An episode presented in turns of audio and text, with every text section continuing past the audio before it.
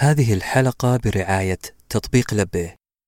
نؤمن بالمثل القائل: ما خاب من استشار، إلا أن استشارة الشخص الخطأ قد تتسبب في نتائج عكسية. لذلك أحط نفسك بأكثر من 60 مستشار أسري ونفسي معتمدين بأقل التكاليف وبخصوصية تامة من خلال تطبيق لبيه. تطبيق معتمد من وزارة الصحة. بإمكانكم تحميل التطبيق على أجهزة الآيفون والأندرويد من الرابط في وصف الحلقة. مرحبا. هذا ساندويتش تدويني.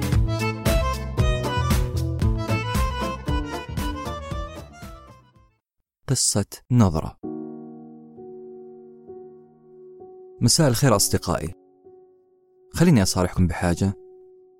أثقل شيء على قلبي إني أتلقى نصيحة. قد يكون السبب كمية النصائح اللي تلقيناها في فترة الطفولة إلى الشباب. وأعتقد أن النصيحة هي أثقل جملة على صدر أي إنسان إلا اللي كملوا ربي بعقل كبير جدا وصدر متسع. عموما النصيحة شئنا أم أبينا هي مؤشر بأن المنصوح على خطأ على غير استقامة في خلل في تصرفاته. لكن على الطرف الآخر من المعادلة ما ننكر أن النصيحة والنقد والفيدباك هم أهم أدوات عشان نتطور ونعدل في سلوكنا ومشاريعنا.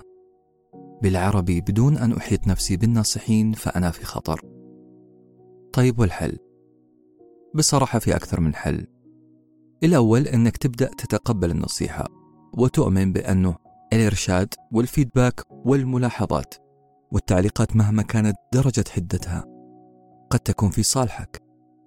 والحل الثاني في إيجادة فن الإرشاد والنصيحة أو كما يقال النصيحة الغير مباشرة. نعم يا أصدقائي الحل هو في تغيير أسلوب النصيحة. رغم أننا كلنا نردد عبارة ما في أحسن من الصراحة إلا أن الصراحة والنصيحة المباشرة والتوجيه وجها لوجه قد تثبت فشلها في الغالب. النقد المباشر قد يتحول في كثير من الأحيان إلى شخصنة أنا راح أتمنع وأرفض أني أقبل النصيحة أو الإرشاد أو التعليق إذا كان مباشر. هذا هو الغالب. لذلك الحل فعلا في التوجيه الغير مباشر. وهذه هي إحدى صراعات الشخصية. كيف نقدر نصنع نصيحة أو توجيه معين بطريقة غير مباشرة؟ كانت معضلتي إلى أن وجدتها قبل أسبوع. وجدت ضالتي في قصة نظرة.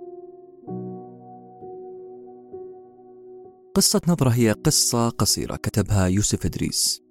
القصة القصيرة بالمناسبة هي قصة مكثفة جدا حواراتها قليلة وأوصافها قليلة. مو زي الروايات الطويلة اللي تقرونها تولستوي وغيره. لا لا هي قصة مكدسة مكثفة في موقف معين. القصة القصيرة تعبر عن حدث خاطف. رواد هذه القصة في العالم العربي كثير. نجيب محفوظ مثلا كتب في القصة القصيرة يحيى حقي يوسف إدريس غادة السمان غسان كنفاني والاسم اللي يمكن ما سمعتوه قبل كذا محمود تيمور. اللي يعتبره الكثير رائد من رواد القصة القصيرة في العالم العربي طبعا. وفي اسم كمان يمكن ما تعرفونه. بحسب كلام أحد أصدقائي هذا الاسم اسم عظيم في عالم القصة زكريا تامر. اللي يقول عنه صديقي لو ما قرأت لزكريا تامر فأنت لم تقرأ قصة قصيرة طول حياتك. خلونا نتجاهل الأسماء الجميلة اللي فاتت لأن قصتنا اليوم هي قصة ليوسف إدريس قصة نظرة. القصة تناولت لمحة خاطفة جدا من مشهد حصل أمام الكاتب كما يروى عنه. لمحة لطفلة صغيرة في الشارع. هذه الطفلة واضح أنها تعمل خادمة في بيت ما. نعم هذه القصة هي قصة نظرة فقط. نظرة أخذها الكاتب واستمرت لمدة دقائق بسيطة. يوسف إدريس لأنه فنان فعل خاصية تبطيء المشهد slow motion زي المؤثرات اللي تنعمل في برامج مونتاج الفيديو. عمل slow motion وحط المجهر على هذه النظرة. وقدم لنا درس من دروس الإنسانية. قدم لنا صندوق من النصائح بدون ما يوجه نصيحة مباشرة واحدة. هذه القصة بدأت عندما كان البطل يمشي في الشارع وصادفته طفلة صغيرة هذه الخادمة. كانت شايلة أشياء فوق رأسها. وطلبت من البطل إنه يعدل لها هذا الحمل اللي فوق رأسها. يقول يوسف إدريس كان غريبا أن تسأل طفلة صغيرة مثلها إنسانا كبيرا مثلي إنسانا لا تعرفه. سألته في بساطة وبراءة أن يعدل من وضع ما تحمله. وكان ما تحمله معقدا حقا. ففوق رأسها تستقر صينية بطاطس بالفرن. وفوق هذه الصينية الصغيرة يستوي حوض.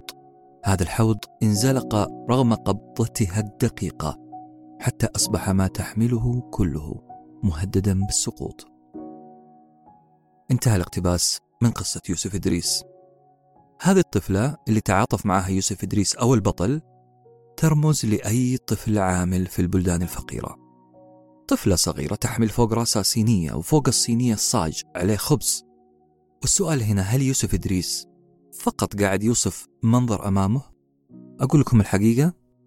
لا اللي حسيت وأنا أقرأ القصة إن يوسف إدريس قاعد يقول كلام خلف الوصف لأنه المنطق يقول أنه المفروض الصاج العريض هو اللي يكون القاعدة هو اللي يكون تحت الصينية صينية البطاطس الصغيرة نتكلم فيزيائيا كذا الصاج ثم فوق هذا الصاج الصينية وهذا الشيء المفروض يصير لكن يبدو أن الطفلة فاهمة مسؤوليتها رغم سنها الصغير. هذه الطفلة كانت فاهمة إيش راح يصير لو تعفط شوية أو تمزق الخبز اللي موجود في الصاج. لذلك رفعت هذا الصاج فوق الصينية. واضح أن هذه الطفلة أمرت أمرا بأن ترتب الحمولة بهذا الشكل حتى لو كان هذا الشيء يستلزم منها القبض بيد من حديد. هذه اليد الصغيرة تقبض بيد من حديد على الحمولة المرعبة. ملاحظين معايا دقة الوصف. ملاحظين معايا ليش رتب يوسف إدريس هذه الحمولة بهذه الطريقة؟ في كلام خلف هذا الوصف. لأنه يوسف إدريس قاعد يحاول يوصف لنا أن الطفلة عارفة عقوبتها. لو شيء من الأغراض هذه سقط في الأرض. لو وصل مثلا الخبز اللي على الصاج وصل على غير هيئته الجميلة البهية البراقة. نعم هذا الشيء نجح يوسف إدريس أنه يوصله لي وأعتقد وصله لجميع القراء. ما في كلمة عشوائية في هذا النص. كل كلمة وراها كلام كثير. طيب يوسف إدريس ما تركنا في هذا المكان. بل راح لأبعد من كذا بدأ يوصف الطفلة بصفات متعددة لكن كل صفة كانت تمثل سيرة حياتها. تخيلوا كلمة واحدة فقط حتترك خيالك المخرج يصور لك قصص من المعاناة اللي كانت تعيشها الطفلة كل يوم. خلونا نجتزئ من كلام يوسف إدريس عن منظر هذه الطفلة وهي تقطع الشارع ونقول لم أحول عيني عنها وهي تخترق الشارع العريض المزدحم بالسيارات ولا عن ثوبها القديم الواسع المهلهل. هذا الثوب الذي يشبه قطعة القماش التي ينظف بها الفرن. أو حتى عن رجليها اللتين كانتا تطلان من ذيله الممزق. كمسمارين رفيعين راقبتها في عجب وهي تنشب قدميها العاريتين كمخالب الكتكوت في الأرض وتهتز وهي تتحرك.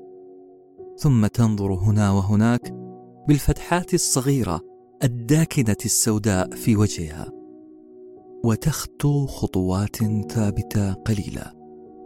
وقد تتمايل بعض الشيء ولكنها سرعان ما تستأنف المضي.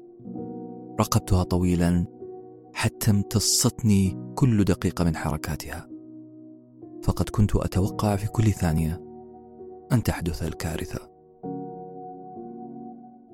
ملاحظين يوسف إدريس أنه حشد كل قدراته اللغوية كل أفكاره كل تركيزه. كثف هذه الجمل لتقدم لنا وجبة إرشاد متكرر في كل سطر. يوسف إدريس عرض علينا قضية ضخمة في قصة قصيرة. عشان ننتبه لنقطة مهمة نقطة الطفلة العاملة. نقطة الطفل محروم من كل شيء بل أصبح يتحمل المسؤولية أكثر من الكبار. هذه الطفلة العاملة أو العاملة الطفلة اللي وجهها ما اكتملت ملامحه ما اكتملت إلى الآن. لأنه وصف عيونها بأنها فتحات ضيقة داكنة وسوداء. عيونها ما صارت عيون إلى الآن من صغرها بل هي فتحات ضيقة داكنة سوداء. هذه الطفلة مو بس لبسها مبهذل بل أشبه بقطعة القماش التي ننظف فيها المطبخ. وجهها منهك جسدها متألم من العمل حافية القدمين. بل حتى نظرتها في القصة يقول يوسف إدريس أنه حتى نظرتها كانت شاردة لزاوية معينة في الشارع. هذه الزاوية كان فيها مجموعة من الأطفال منهمكين في لعب الكرة. ملاحظين هنا أن يوسف إدريس قاعد يحاول يقول لنا قد نعتقد بأن منظر الأطفال الصغار وهم مرغمين على العمل قد يتحول هذا المنظر لشيء عادي بالنسبة لنا مسلمة من المسلمات. هذا كله عادي ممكن إننا ما عاد ننتبه لمعاناة الأطفال العمال. لكن الغير عادي هي النظرة اللي ألقتها هذه الشغالة هذه العاملة الصغيرة في آخر القصة. نظر الطفل حرم من اللعب. حرم من عالمه الطبيعي. حرم من فطرته. لأنها كانت تحمل كل هذا الحمل. كادت تسقط لأن جسمها لا يمتلك القدرة الكافية للتعامل مع كل هذه الحمولة. الطفلة عقليا تحولت لمحترفة والدليل أنه هذه الحمولة ما سقطت. إذا عقليا هي بالغة محترفة. لكن بدنيا ونفسيا هي لا زالت طفلة. وهذه النفسية أو هذه الفطرة اللي في نفس العاملة أجبرتها بأن تنظر لزاوية الشارع. ما استطاعت أنها تتمالك فقدانها لعالم اللعب عالم الطفولة. خلينا نجتزئ هنا مقطع من القصة وهي بالضبط لحظة حصول هذه النظرة اللي أثارت قصة يوسف إدريس كاملة. يقول يوسف إدريس أما هي فكانت واقفة في ثبات تتفرج. وجهها المنكمش الأسمر يتابع كرة المطاط التي يتقاذفها أطفال في مثل حجمها وأكبر منها. لكنها لم تلحظني ولم تتوقف كثيرا. فمن جديد راحت مخالبها الدقيقة تمضي بها وقبل أن تنحرف استدارت على مهل واستدار الحمل معها. وألقت على الكرة والأطفال نظرة طويلة ثم ابتلعتها الحارة. انتهى الاقتباس. وقبل ما نكمل الكلام عن قصة نظرة خلينا نشوف ما هي ميزة القصة القصيرة. إن صح لي التعبير أقدر أقول إن القصة القصيرة هي أفضل طريقة للدعوة إلى الإنسانية. هذا اللي جاء في بالي بعد ما لاحظت الأثر الكبير اللي تركته قصة نظرة ليوسف إدريس علي وعلى قرائها. يوسف إدريس ما أعطانا فعل أمر واحد. ما أمرنا بأمر واحد بل استخدم الأوصاف وأفعال الماضي وتركها تعمل عمل أفعال الأمر. ترك هذه الكلمات تقتحم عقولنا. يوسف إدريس وصف لبس الفتاة وجهها رجلينا نظراتها. استخدم لغة مركزة وواعية. استخدم كنايات رائعة. خلينا نضرب مثال كلمة حمل كررها يوسف إدريس أكثر من مرة في القصة هذا الكلام من فراغ؟ هل هو صدفة؟ هل هو مجرد تكرار؟ لا أبدا يوسف إدريس كان يحاول يلفت نظرنا لحمل البنت المعنوي والجسدي هذا الحمل اللي ينطبق على جميع الأطفال العاملين يوسف إدريس كذلك استخدم كلمة مخالب وقبضة دقيقة عشان يوصف مشية الفتاة على الأرض وإمساكها بالحمل اللي فوق رأسها. وهذا الدليل على الحرص على حجم المسؤولية. أي طفل تجده يمشي ويتمخطر يمين ويسار بلا أي مبالاة. أما هذه الفتاة من شدة اهتمامها وخوفها من أن يسقط هذا الحمل كانت تغرس مخالبها في الأرض وكانت تمسك بقبضة من حديد. كل هذا عشان لا تفشل في مهمتها. وعشان نختم حلقتنا بنفس ما بدأناها. يا جماعة النصيحة ثقيلة. شئنا أم أبينا؟ لو كنت عزيزي المستمع تتقبل النصيحة فمبروك. أنت إنسان عظيم. حافظ على هذه الميزة. لكن في العموم صعب أننا نتقبل بصدر رحب على الأقل التوجيه والإرشاد. لذلك نقول الأدب ممكن يشكل الرأي العام تجاه قضية من غير فعل أمر واحد. الأدب يحول هذه النصيحة إلى نسمة لطيفة. كان بإمكان يوسف إدريس أن يصرخ ويعلو صوته ويقول يا ظلمة يلي ما تخافون الله؟ استغليتم الأطفال بهذلتوهم قتلت طفولتهم حرمتوهم من عالمهم. كان بإمكانه وبإمكانه وبإمكانه لكن إدريس فضل إنه يفرد لك بوفيه من المأكولات. وإنت تختار الوجبة المناسبة كيف وإيش وكم تأكل. أنا شخصيا أكلت من البوفيه اللي قدمه لي يوسف إدريس. يوسف إدريس ترك طفلة تمشي وتتحرك وتنظر ولم يأمرنا بشيء واحد بل ترك لنا الانفعال مع الأحداث. إدريس عاقبنا كلنا بكلام في غاية القسوة من غير أن يوجه كلمة قاسية واحدة. وهذا الشيء أصدقائي ظاهر في عبارة عبقرية استخدمها. لما البنت طلبت منه تعديل صينية البطاطس الحارة اللي فوق رأسها يقول يوسف إدريس على لسان البطل وأخيرا نجحت الطفلة في تثبيت الحمل. يا لقسوتك يا يوسف إدريس. نعم أنا وأنت نجحنا في تثبيت هذا الحمل على رأس الفتاة. ساهمنا في تثبيت هذه المسؤوليات وقتل طفولتها بالسكوت. لم نحاول إرجاعها لعالمها الطفولي الطبيعي. بل ثبتنا هذا الحمل على رأسها وتركنا الحارة تبتلعها يبتلعها الوحش. وحش الواقع اللي سكنت فيه. وحش الواقع اللي سكتنا إحنا عنه. يا جماعة القصة القصيرة عبارة عن كلمة وراها كلام كبير.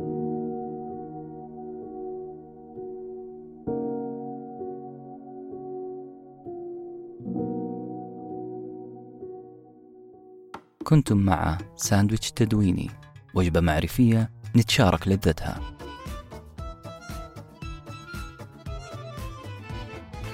هذه الحلقة برعاية تطبيق لبه. بإمكانكم تحميل التطبيق على أجهزة الآيفون والأندرويد. من الرابط في وصف الحلقة.